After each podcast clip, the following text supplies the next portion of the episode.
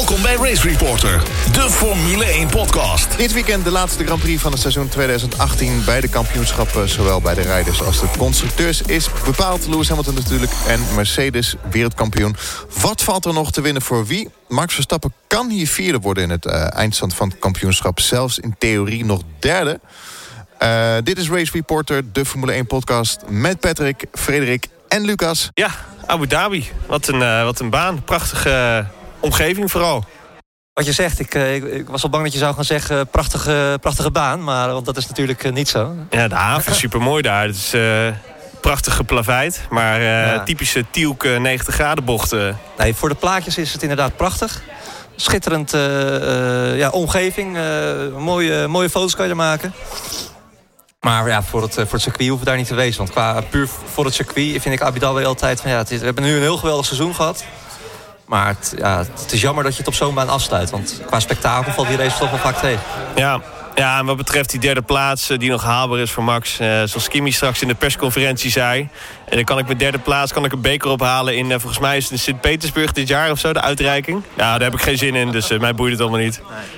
Jongens, zijn jullie bijgekomen van die ongelooflijke horror crash... afgelopen weekend in Macau, Formule 3? Echt niet... 200, nee, 200 en 290 97 ja. km per uur vloog er even een dame van 17. Bizar. Een auto van uh, Frits van Amersfoort, 17-jarige Sophia Flörsch. Uh, heftig.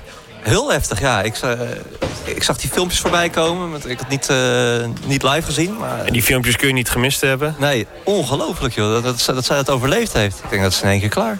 Ja, en uh, Marshall en een fotograaf geloof ik. Als je goed kijkt in die herhalingen slow-mo... Staan, die auto komt tegen een hek aan. En die paal die schiet gewoon tegen het hoofd van die...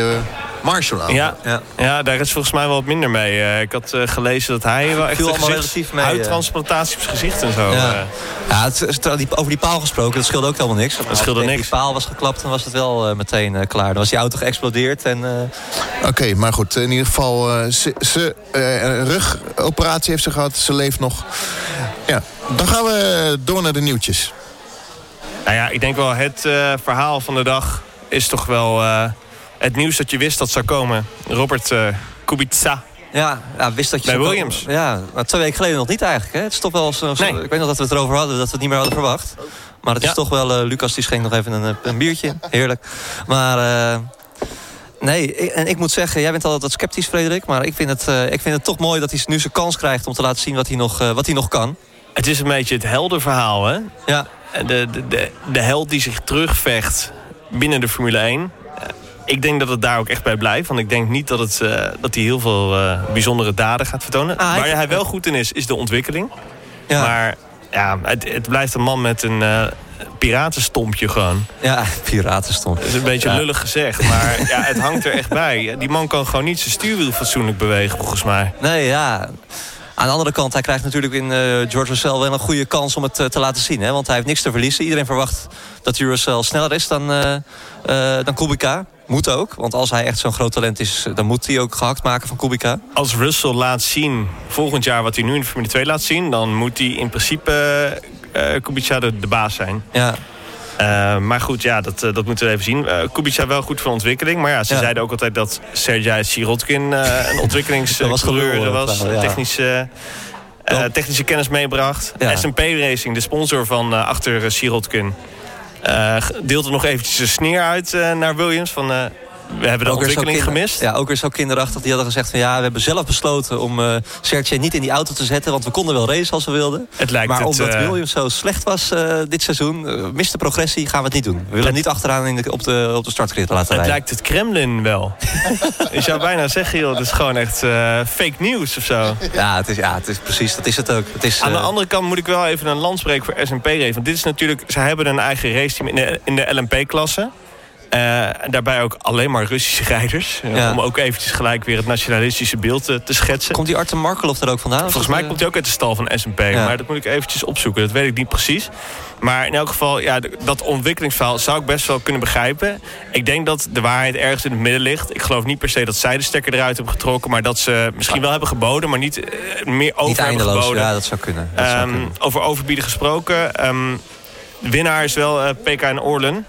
Want die, dat is de Poolse brandstofmaatschappij die backing zou geven aan Robert Kubica. En waarschijnlijk ook titelsponsor gaat worden van Williams. Oké, hartstikke goed. Nee, ik, ik met mijn grafische achtergrond ben heel benieuwd hoe die auto eruit gaat zien.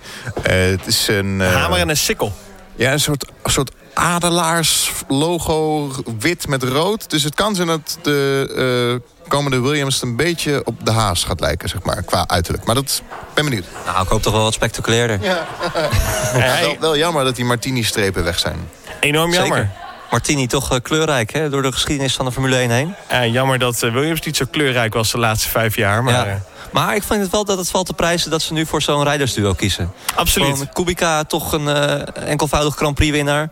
Uh, George Russell, uh, groot talent. Het is toch even wat anders dan een... op, ja, een Hoe je het ook went of verkeerd, Kubica alleen al voor de naam... is natuurlijk een verrijking voor de Formule 1. Ja. Weer dat hij terug is. En laat het dan ook maar een sprookje zijn. Precies. Prima. Ik denk dat hij de snelheid niet meer heeft die hij had. Nee. Maar goed voor de sport. Helder. Nou, het was uh, twee camphanen naast elkaar gezet. Ocon en Verstappen in de persconferentie. Wat, uh, wat hebben jullie ervan uh, meegekregen? Nou ja, er zaten twee... er zat een groot Ferrari-cordon tussen natuurlijk. Maar ik merkte dat er bij Verstappen nog wel wat oud zeer zat.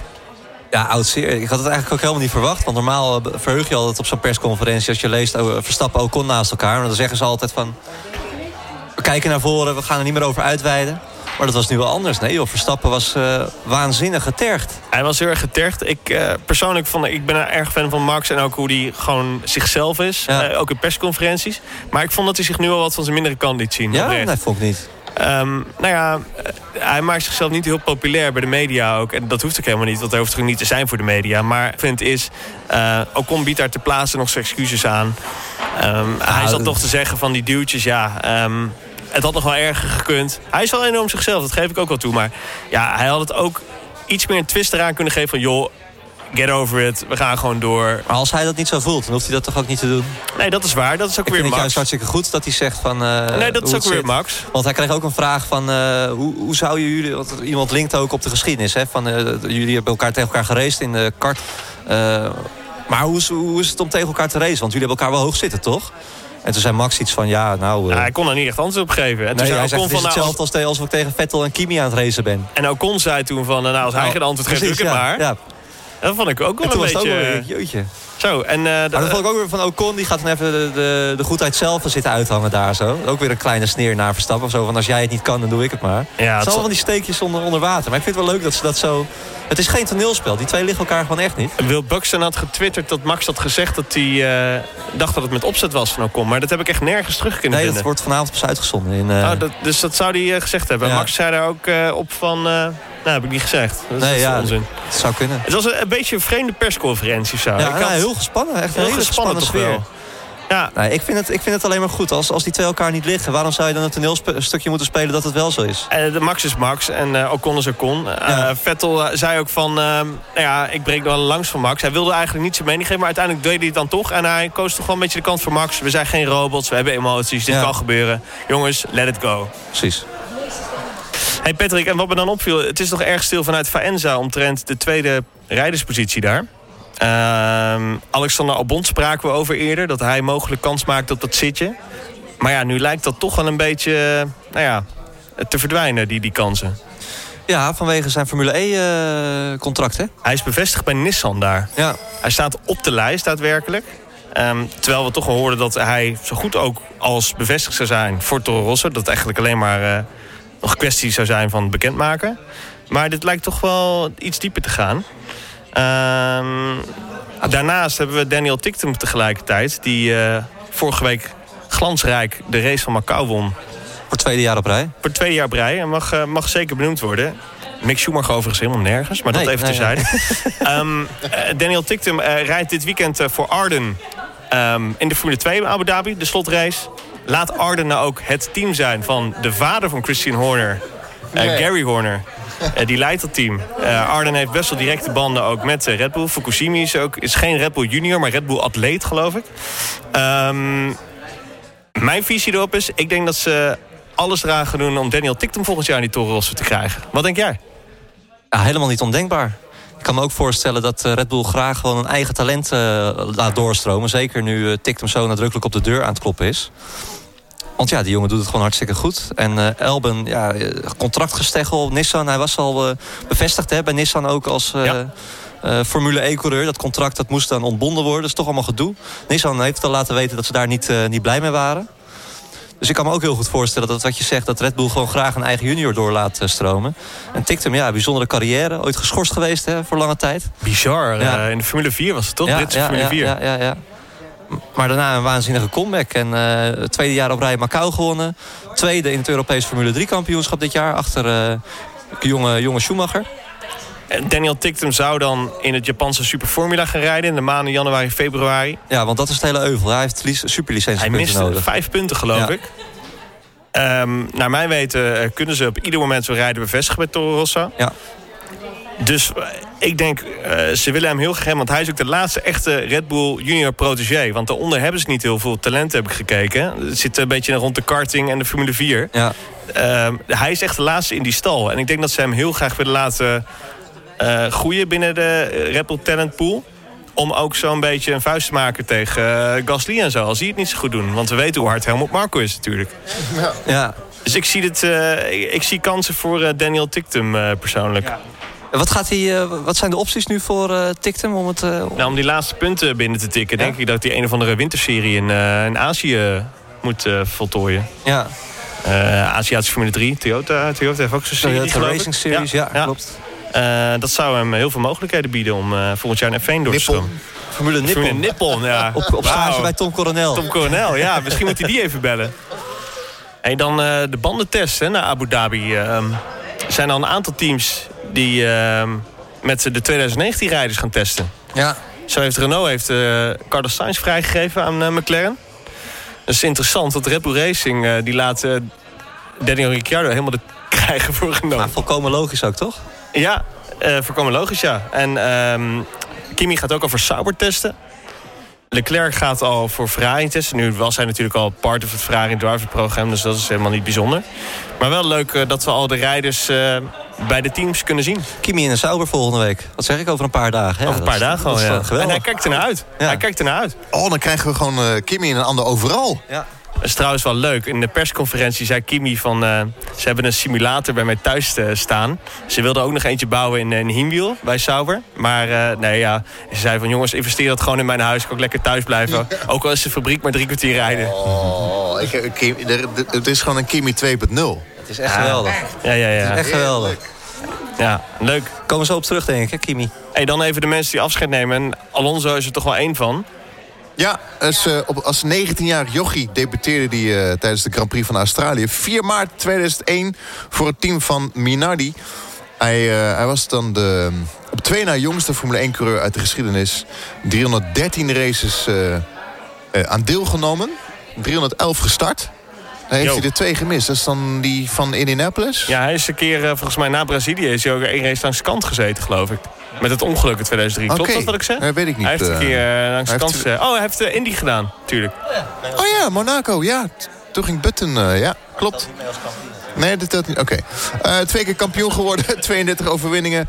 Uh, 97 keer op het podium.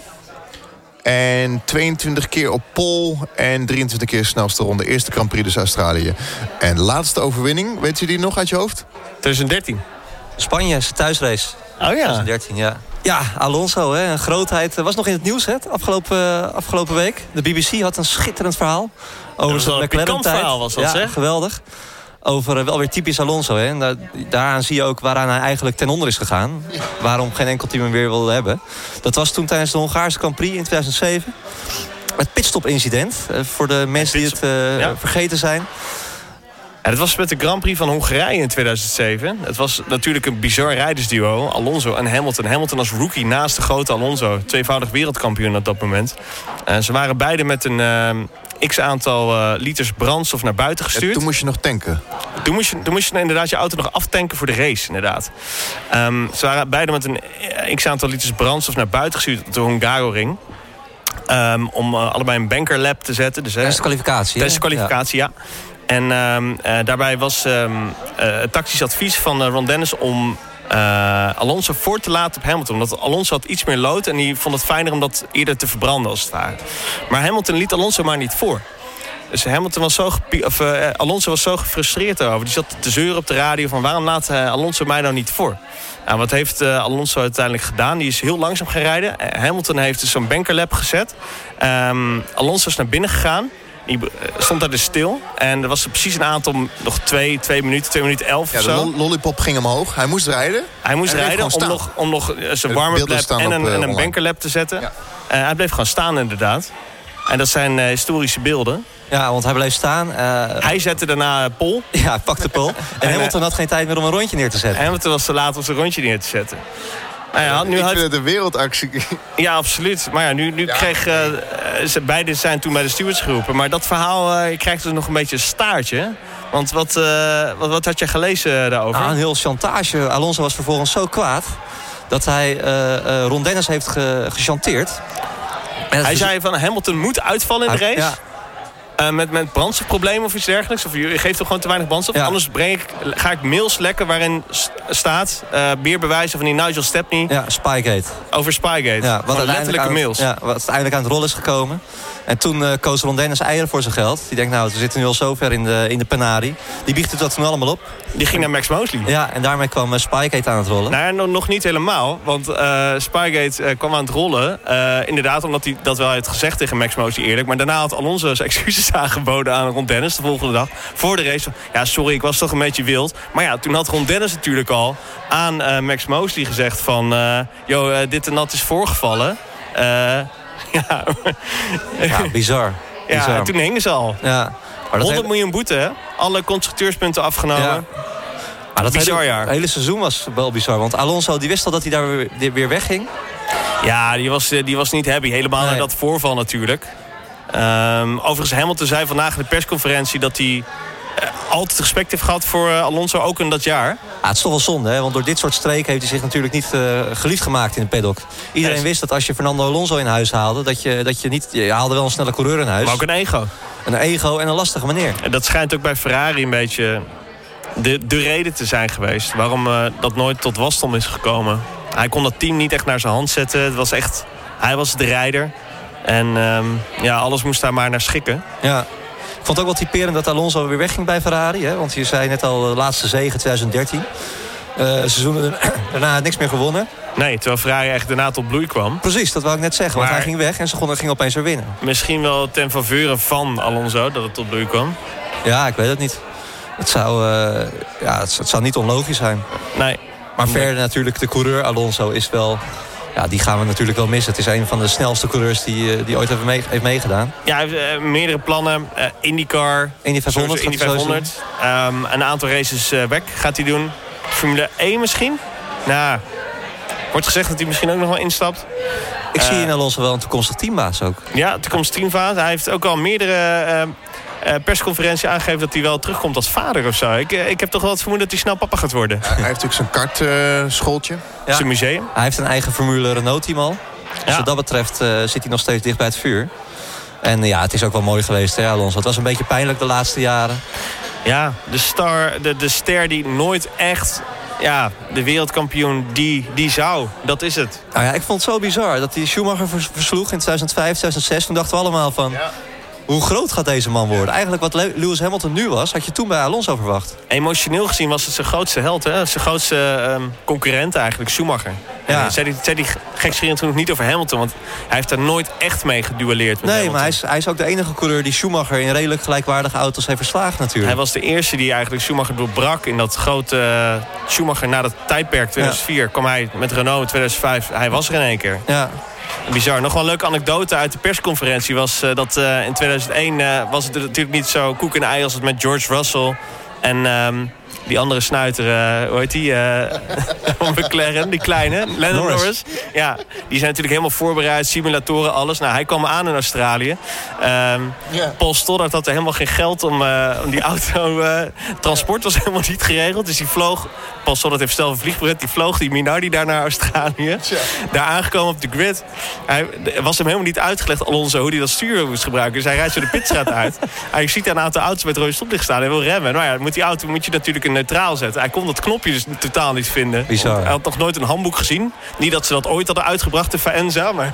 Ja, wel grappig, want hij was toen dat weekend... Uh, of hij was in het begin teamgenoot van uh, Tarso Marquez. Kennen we die nog? Zo, Argentijn. Tarso Marquez. Dan noem je wat. En, uh, maar in de, is de eerste kwalificatie ooit. En Marquez die had toen al een half seizoen Formule 1 gereden. Maar hij was in Melbourne was hij 2,5 seconden sneller dan Marquez. En hij had geen probleem of wat dan ook. En toen zagen ze al bij Minardi van wow... We hebben nu al iemand in huis gehaald. Op een gegeven moment hebben ze toch ook uh, Paul Stordert en Alonso podium gehaald... na de race, na de podiumceremonie. Ja, geweldig. Ja, leuke vent, leuke herinneringen. En uh, ik wens hem het allerbeste voor de toekomst. En speciale livery dit weekend op de McLaren voor Alonso. Een beetje tegenvallen, dat zei je ook al. Ja. Koelt had het een uh, meer groter eerbetoon met een witte Red Bull. Nou, ik denk als je een nieuwe... wordt altijd heel groot aangekondigd. Hè? McLaren persbericht. Uh, brand new livery, Alonso... Maar dan, dan zit ik te kijken en dan staat er twee strepen op. Ja. Twee blauwe strepen. Dus er zal niet heel veel, kom op. Uh... Heel veel airtime zal McLaren ook niet krijgen... aangezien ze ergens in de achterhoede ze de rondbanjeren. Nee, hij zei in de persconferentie... It's a dream to get to Q, 3 Ja. Nou, dat is toch ook wel tekenend voor hoe Alonso nu is, hè? En dan nog iemand die afscheid neemt. Daniel Ricciardo. Oei, oei, oei. Het wordt een emotioneel uh, weekend als je het zo uh, Hebben jullie de column gelezen die hij heeft geschreven bij um, de Players Tribune? Ja, geweldig. Het was echt een soort requiem, een zwanenzang was het. Over dat hij in het vliegtuig zat en dat hij toen uh, na ging denken met een Hij ging nadenken, erbij. ja. En hij haalde hij allemaal herinneringen naar... Ja naar boven wat zijn vader hem heeft gezegd. Wat je moet doen als het niet helemaal lekker gaat. En hij wilde echt verandering toch. En eh, ik denk oprecht, los van de 19 miljoen pegels uh, die hij meekrijgt... daar, per seizoen, waarschijnlijk, minimaal... um, denk ik oprecht dat hij een, een soort... Ja, hij wil Renault weer een beetje uit de slop halen. Het is toch ook goed, Lewis Hamilton ging ook naar een minder Mercedes. Het, ik, ik vind het wel een goede set. Ik, volkomen logisch ook. Je het is weet een fabrieksteam. Na, naast Max Verstappen ga je gewoon geen potten meer breken. Nee. Ik bedoel, dat hele team draait om Max. Dus, hij, ja. Hij moet een gok nemen. Het is, hij moet een gok nemen. Het is zijn enige kans. En in het begin was ik zo van, ja, wat doe je nou? Je gaat helemaal niks... Maar ja, het, het, is, ja, het is zijn enige kans op verandering. En natuurlijk zal hij volgend jaar niet direct mee kunnen doen. Maar als ze uh, uh, op ja, goede resultaten neer kunnen zetten, Renault... met alle investeringen, dan zie ik het ze wel doen. Alhoewel ik nog wel denk dat hij een flinke kluif gaat krijgen aan uh, Nico Hulkenberg. Zeker, want uh, wat we net ook zeiden over, uh, hoe heet die, Kubica... geldt eigenlijk ook voor Hulkenberg. Voor Hulkenberg hè? Iedereen verwacht dat hij wordt zoekgereden door, hoe heet hij, door Ricciardo. Ja. Als hij hem verslaat, wat zomaar kan, want Hulkenberg is absoluut geen koekenbakker... Ja, dan staat hij hier opeens ook weer heel goed op. Maar ja, na tien jaar Red Bull verlaat ik, het is toch wel een dingetje hoor. weet je nog goed dat hij bij bij, bij Red Bull kwam als teamgenoot van eh, Sebastian Vettel. De viervoudig wereldkampioen. En niemand verwachtte eigenlijk toen wat van, uh, van Ricciardo. In die column uh, wijde hij ook uh, uit over zijn eerste zege in Canada. Hoe speciaal dat was. Ja, en dat was een mooie race ook. Voor emoties teweeg. En dat hij echt moeite had met rijden. Omdat hij gewoon zijn emoties niet in bedwang kon houden. Ja, maar dat was ook best wel apart. Want hij kwam naar Red Bull. Eigenlijk zonder verwachtingen. Want het was niet zo dat hij bij Toro Rosso echt zo'n geweldige dingen heeft laten zien. Niet zoals een, een Max of zo. Ik zou eerder zeggen een soort Gasly. Zoals Gasly het gedaan, nu gedaan heeft van al het solide. Zo deed Ricciardo het ook. Het was niet echt een wereldtalent van een toekomstig wereldkampioen of zo. Nee, nee niet, niet in die maat. hij kwam echt een beetje los. Ja, toen versloeg hij Vettel opeens. Toen pakte hij drie zegens. Vettel geen één. De viervoudig wereldkampioen. Ja, echt geweldig. Bizar. Jullie mooiste herinnering aan Daniel Ricciardo. Voor mij staat hij bekend als de, de ultieme uitremkoning. Wat die man doet met de rem, ik weet het niet. Maar wat is jullie mooiste herinnering aan... De, nou, alsof hij weggaat. Hij gaat niet weg. Maar wat, dat vond hij zelf ook, hè? Eh. Hij vond zelf ook dat hij het niveau van inhalen naar andere dimensies heeft gebracht. Dat vond ik wel... Eh, overigens is het wel een beetje opgepikt door de media uit die column... maar dat heb ik er niet echt in teruggelezen dat hij dat vindt. Maar, maar noemen ze jullie ultieme Daniel Ricciardo moment? Nou, ik weet niet of het een moment is. Nou, misschien ook wel een moment. Ik, ik denk toch die uh, zegen in Canada, zijn eerste. In, ja. uh, wat was het? 2014. Ja, Um, Perez die nog voor zijn neus voorbij. Massa die met Perez uh, ja, Mercedes, crashte voor zijn neus. Mercedes dominantie dat seizoen. Na jaren van Red Bull tijd uh, was Red Bull opeens een, en ze hadden bijna een probleem, de Mercedes. B-team uh, geworden. En, en, Vettel die moest eigenlijk de kar trekken. Maar Vettel kreeg voor het eerst in zijn loopbaan met tegenslag te maken. Ja. En wie was daar om het stokje over te nemen? Daniel Ricciardo. Ja. pakt drie zegens dat seizoen. Zijn eerste heel mooi in, in Canada. En heeft er eigenhandig voor gezorgd dat ook dat, dat Vettel vertrok aan het einde van, dit, van het jaar. Ja, voor mij zijn het toch wel de shoeies. Toen ik dat voor het eerst deed, dat podium. Zo, dit is echt iets unieks wat een coureur doet. Gewoon. Pakt gewoon zijn schoen. En... Gadverdamme. Maar dit, dit zijn dingen die wel de geschiedenisboeken ingaan. Dat als het Daniel Ricciardo is, de man Van die gewoon met zijn schoen champagne dronk. Ja, maar ook, ook daarbuiten. Het is zo'n mooie vent. Het is, het is altijd lachen met hem. Hij is compleet zichzelf, ja. Dat, is wel, dat is wel leuk. Weet je, doe me een beetje denken aan Johnny Herbert. Alleen, wel, dit is een rijder die wel wint, zeg maar. Maar we gaan het zien, Renault. Ik denk wel dat hij een taaie gaat krijgen aan Renault... met, eh, met die gekke, gekkigheid van hem. Red Bull kan natuurlijk alles doen wat hij wil. En uh, Renault is toch een wat chiquer team. Frans fabrieksteam. Misschien wat uh, minder soepelere mensen. Fransen, ja, ik ben benieuwd. Ja. Dan over afscheid een teamswitch gesproken. Kimi Räikkönen natuurlijk. We hadden het net al even over hem. Ja, kijkt denk ik met uh, veel plezier terug ook op zijn tijd bij Ferrari. Is Ferrari heel dankbaar. En Lotus. En uh, Lotus, ja. Heeft hij nog gezeten? Heeft hij ook nog gezeten, nog wat overwinningen gepakt. Uh, maar heeft hij ook heel veel zin om uh, Sauber te helpen ontwikkelen. Hij heeft er echt zin in. Ja. Daar kan hij lekker duelleren naar het middenveld. Ik zie Sauber volgend jaar wel tegen de subtop aanhangen. Ja, het zal, hij kan best een podium pakken hoor. Helemaal niet gek om dat, om dat te denken. Ik zou het helemaal niet gek vinden, nee. nee. Ik kijk er echt naar uit. Ik vond serieus een van de leukste Kimmy's in de, zijn Lotus-tijd. Gewoon die rebel, dat, dat past bij hem. Ja, absoluut. Ik denk ook dat hij voor Ferrari de ideale tweede man was, hè? Gewoon, uh, hij was precies wat Ferrari van hem had uh, Hij was verwacht. de ideale tweede man en hij ontpopte zich de laatste races als toch wel de sterrijder die uh, in zijn laatste dagen zat en alles, ja, de viel iets van hem af. Dat was duidelijk te zien. Na Monza viel er iets van hem af. En ja, die overwinning in um, Texas was terecht. Ja, zeker leuk dat hij die ook nog even gepakt heeft. Ja, absoluut. Abu Dhabi, dit weekend de laatste Grand Prix van 2018. En uh, even terug in de tijd. Wat is jullie mooiste herinnering van, uh, de, van deze Grand Prix? Nou, de mooiste Grand Prix in ieder geval was in 2010. Met die waanzinnige titelstrijd tussen uh, vier coureurs. Waarbij oh ja. uiteindelijk Sebastian Vettel uiteindelijk aan het langste eind trok. ja, je kan het je haast niet meer voorstellen. Maar Mark Webber ging dat weekend als uh, kampioenschapsleider ja. de favoriet het weekend in. Uh, Alonso stond tweede. Serieus? En, ja, echt. En uh, Vettel uh, derde. en Hamilton kon ook nog winnen. Dat was dan, uh, maar, was dan vierde. Maar met alle respect, stel nou dat Webber wel gewonnen had. Wat dan? Ah, ik denk dat het toch anders is. Dan ben je toch enkelvoudig wereldkampioen. Ja, maar ja, Mansell ook. Kim, Kim, Alan Jones. Ook een Australiër. Ja, Ros, dan ben je een Rosberg en Damon Hill. Ja, nou ja, uh, ja Rosberg. Prima. Ja. Uh, spe speaking of, spreken over... Nee, het is toch anders. Gaat er alles, alles mee om. Is, ja. Maar ja, kijk, maar, kijk die race vooral terug. Het was echt gekhuis. Alonso kwam één positie tekort. Zat vast achter uh, Vitali Petrov. Kwam er niet voorbij. Zo. Ja, ja, Wat is daarmee gebeurd, joh? Vitali ja, die was meteen al klaar dat seizoen. Uh, die rijdt nu volgens mij open bolderkarren kampioenschap of zo. Het was een mooie Grand Prix, ja. Dat ben ik wel met je eens. En uh, ja, die, ook nog een waanzinnige boordradio daarvan. Dat uh, Vettel die, die won dan. Alleen het was zo spannend. Ze wisten niet of hij kampioen was geworden. En, en je hoorde toen uh, ja. hoorde ze tegen... Oké, okay, Sepp, well, ja. here we go. Two. Ja, uh, ja, ja, ja, ja, ja. Ging je aftellen zo. Two, uh, Vettel. Ja. Ging je aftellen wie er allemaal gewonnen hadden. Bist welmeister. Ja, zo. Oh man, ik krijg al kippenvel. Ja. Okay, Sebastian, good job. I need to wait until everybody crosses the line. I need to wait. But it's looking good. You just wait, Sunshine. You just wait. Hamilton, P2. Button, P3. There's another two cars coming round in 15 and 16. Rosberg, P4. Kubica, P5. Du bist Weltmeister. Oh, thank you, boys. Unbelievable.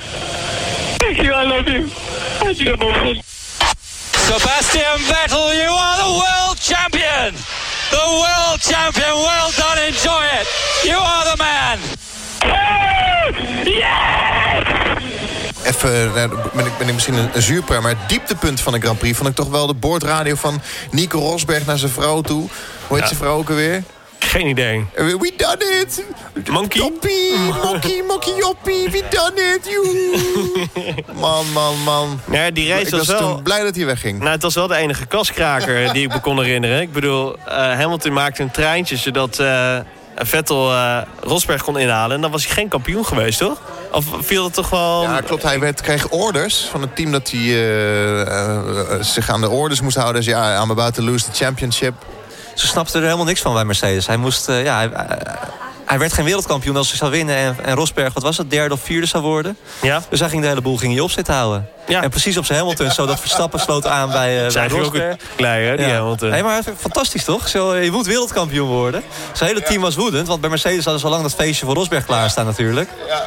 Nou, ik had het idee dat Vettel ook niet echt heel veel moeite deed om hem in te halen. Nee. Hij zat er wel dicht achter. Ik heb die beelden nog gezien, maar ja, inderdaad, dat vuurwerk... Hij had het nog net even wat overtuigender moeten doen. Dit was nog een beetje half bakken. Kijk, als je het dan toch doet, gaat dan echt een beetje vol op je rem staan. Ja, ik maar, vind nog steeds ja, een lucky charm, die, die Rosberg. Ja, waanzinnig veel geluk En ik vind het aan Anje dat hij gewoon niet terugkomt. Ik bedoel, hij zit nu allemaal podcasts te maken met allemaal van die F1-protégés. Gast, kom gewoon racen, man. Je zit ja. in Valtteri Badmuts zoals jij hem altijd doet, Lucas. ik bedoel, kom op, man. Ik had echt zo graag die strijd. Dan hadden we gewoon vaker twee Mercedes in de gymbak gehad. Ja, ja, ja. ja. ja ik bedoel, dan had Max nog vaker ja, kunnen winnen. Ja, we hebben het ook al vaker over gehad. Hè, dat het jammer is dat hij... Uh aan Bottas zo'n verkeerde teamgenoot heeft. Dat hij niet mee kan doen om de, om de Rosberg titel. was de enige die uh, het kopje kon breken van Hamilton. En onder zijn huid kon kruipen. Ja. ja. Is gewoon, uh... ja maar ze, kon, ze kenden elkaar van karting natuurlijk. Ze zijn Nicky Lauda en uh, James Hunt. Ja. Nou goed, ja, was een leuke race. Maar verder is het natuurlijk geen spectaculaire Grand Prix. Ik vind het een draak van een Grand Prix altijd. Ja, het is echt, uh, echt vreselijk. Blij dat je het zegt. Zoveel uitloopstroken. En dan zitten wow. al die, uh, die, die, rijke luiden zitten semi-interessant te doen op de tribune. Van nou, het is hartstikke, hartstikke mooi hier. Allemaal mensen die nog nooit naar Formule 1 gekeken hebben. En we krijgen dit jaar, verwonderlijk, weer een gorddroog weekend in de woestijn. Ja, het zal oh, wel. Joh. Ja. Nee, uh, top. Ik heb er zin in. Dan de race van vorig jaar. Valtteri Bottas won vorig jaar de race. En Lewis Hamilton tweede. Vettel, die werd derde. Kimi Räikkönen vierde. Max Verstappen werd vijfde. En wat verwachten jullie van dit weekend? Gaat Max vierde worden aan het einde van het kampioenschap? Uh, of niet? Nou ja, ik zou het willen zeggen dat hij dat wordt. Maar in elk geval, um, ik denk, ja, uh, Max Verstappen die heeft de laatste race ook supergoed gepresteerd. Dus waarom zou hij dat nu niet kunnen? Het is nog wel een iets meer power circuit, hè, Abu Dhabi? Ja, dan uh, Brazilië. Ja, klopt. Dat is wel waar. Echt wel een paar fikse rechte stukken die wel pijn gaan doen. Ja, maar ja, ik denk dat ze die uh, C-spec nou helemaal open gaan schroeven. En, uh, ik denk het ook. I don't care anymore. Ik geef hem wel een goede kans eigenlijk. Ik zeker geef hem ook een goede kans. Ik uh, gewoon derde plaats. Zo ja, hoor, ja. ja. zeker. En of hij dan vierde of derde wordt in het kampioenschap. Derde wordt wel lastiger, Lucas. Ja, ja. als Kimi Räikkönen uitvalt... en Max scoort goed, dan wordt hij derde. Maar Kimi Räikkönen is twaalf keer op het podium geëindigd dit jaar. Ja, dus de kans dat hij uh, dat nu niet gaat doen, dat is uh, niet heel groot natuurlijk. Nee. nee. Maar wat denken we? Wat, uh, wat, wat gaat er gebeuren? Even een opsomming. Opsomming. Ik, ik denk dat Valtteri Bottas gaat winnen. Ja? ja? Ik denk het niet. ja. Ik denk dat, dat ze, hij zal heel graag dat cadeautje in ontvangst willen nemen... wat hij nog te goed heeft van Hamilton. Maar ik denk dat hij gewoon snelheid tekort gaat komen. Ik denk dat Verstappen hem ook gaat, voorbij gaat slepen. Het verschil tussen de twee is drie punten in het kampioenschap. Ik denk dat uh, Vettel toch gaat winnen. Die wil nog even het seizoen af gaat sluiten. Hamilton... Ferrari. Ja. ja, Ferrari, ja, zeker. Ferrari World om de hoek. Ferrari is toch wel aardig terug, hè? Nee, ik denk, ik denk dat Vettel gaat winnen. Hamilton wordt tweede. En ik denk gewoon een derde plaats voor Verstappen. Maar ik zou het ook niet gek vinden... als Verstappen misschien nog wel beter wordt dan P3. Ja, die Bull doet zo goed. Ze kunnen nu ook gaan risico gaan nemen met die Renault-motor. En wat, ook, wat we misschien ook wel gaan zien... ik heb ook een uh, klein theorietje... Kijk, die Renault-motor is natuurlijk helemaal niks meer waard hè, straks. Ik denk dat Verstappen gewoon die motor gaat laten ploffen als hij gefinished is. gewoon uh, net zo lang burn-outs gaat maken totdat, tot hij niet meer doet. Ik denk het echt. Dat gebeurde vroeger best wel vaak, hè? Ja. ja. Ja, dat is wel interessant, ja. Maar ik denk, dat gaat hij donuts draaien hij daar. Gaat, hij gaat helemaal gek. Hij gaat, misschien gaat hij wel voor de Renault pitbox staan... gewoon net zo lang in zijn neutraal het gaspedaal intrappen... dat hij helemaal kapot gaat, die motor. Ik denk dat hij er helemaal klaar is. echt een fantastische theorie, ja. Dat zou toch geweldig zijn? Ja. Kijk, als hij dat doet, krijg je van mijn krat bier. Ja, nee, ik, uh, laat ik het zo zeggen. Het is niet helemaal op, uh, op niks gebaseerd. Het is wel eens vaker gebeurd in de hey, in Over kratten bier gesproken... zullen we ook eentje zetten op Daniel Ticton bij uh, Toro Rosso? Ja, die jij, jij wel? Jij een krat bier op Max Verstappen die donuts gedraaid met een kapotte Ramon. Ja, en, en, en wat... wat... Uh, ik doe uh, een paar lekkere trappistenbiertjes. Oh, nee, maar op, op wat? Op Daniel Tictum als tweede rijder bij Toro Rosso. Ah, oké. Okay. Uh, ik ja. ben er heilig van overtuigd. Is goed. dan even ehm, vlug de Formule 1 vragen. Eerste vraag. Welke rijder won de eerste Grand Prix van Abu Dhabi in 2009? Ik stel ze aan Frederik. Sebastian Vettel. Heel goed. Ja, ja, goed. Ja, drie keer gewonnen, 2009, 2010 en 2013. Ja. Um, dat is niet zo dominant, hè, dit jaar? Nee, klopt. Dus, Red, Bull, Red Bull was wel een beetje pot aan het breken... maar het was dat jaar Braun GP die... en daarna het hele concept aan Mercedes verkocht. Dat is de volgende vraag. Welk team won hier het meest? Nou ja, je geeft wel antwoord. Een koppertje. Mercedes. ja, klopt. 14, 15, 16 en 17. De derde vraag. Dit circuit is ontworpen door Herman Tielke. Noem drie andere circuits die ontworpen zijn door deze man. Nou, jij begint, Frederik. Uh, Kota, Circuit of the Americas, um, Sepang, Maleisië, um, Bahrein. Bahrein ja. Nou, zijn we er al, toch? Ja, Sepang is geen huidig circuit, maar moet ik nog een huidig circuit noemen.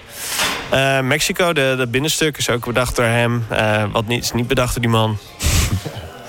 zijn er te veel eigenlijk. Valencia. Valencia, ja, staat er niet meer op. Joh, Turkije. Baku. Baku is door hem ook uh, ontworpen. Ja, zeker. Ja, hij, hij is gewoon huisarchitect. dat wist ik dus niet, maar de A1-ring, Oostenrijk. Echt? In uh, 95. Ja, de verbouwing. Oké. De verbouwing. Ja, Grappig. klopt. Niet dat die baan heel erg is aangepast toen de tijd, maar iets strakkere bochten. Oké, dan um, een, een vraag. Hoeveel bochten, de vierde vraag, vierde laatste vraag. Hoeveel bochten heeft dit circuit? Te veel. Te veel. Ja, Te veel ik, lelijke bochten. ook. Het zijn maar allemaal, doen ze een gok? Ja, maar het zijn allemaal wanstaltige 90 graden bochten. Het zijn een beetje uh, circuit assenbochten. Ja. Van die bochten waar je niks meer mee kan. En dan een lang rechtstuk. Ja. Uh, 21. Dit is een grap. Nee, serieus. Ik heb Precies echt niet goed. gekeken. Het is echt heel knap. Ik geloof er helemaal niks van. Nee, even voor de luisteraar. Ik zweer het je. Ja, ik geloof er niks van. Wij hebben hier onze MacBooks voor ons. Maar ik heb, echt, ik heb alles weggeschoten. Ik, ik heb oh, echt niet gekeken. Echt heel knap. Nee, ik, heb echt niet gekeken. Dit is gewoon, maar het is gewoon een pure gok. Dus. Ja, ja. Dit weekend de Grand Prix van Abu Dhabi. De kwalificatie om 2 uur in de middag. En zondag 25 november de race. Om tien over vier. Potverdorie, voor maand is dat weer kerst. Uh, bedankt voor het luisteren. We zijn te vinden via iTunes, Spotify tegenwoordig ook. En Instagram, instagram.com slash racereporter. Maandag zijn we er weer voor de nabeschouwing. Dankjewel Patrick, dankjewel Frederik. Graag gedaan. Graag gedaan.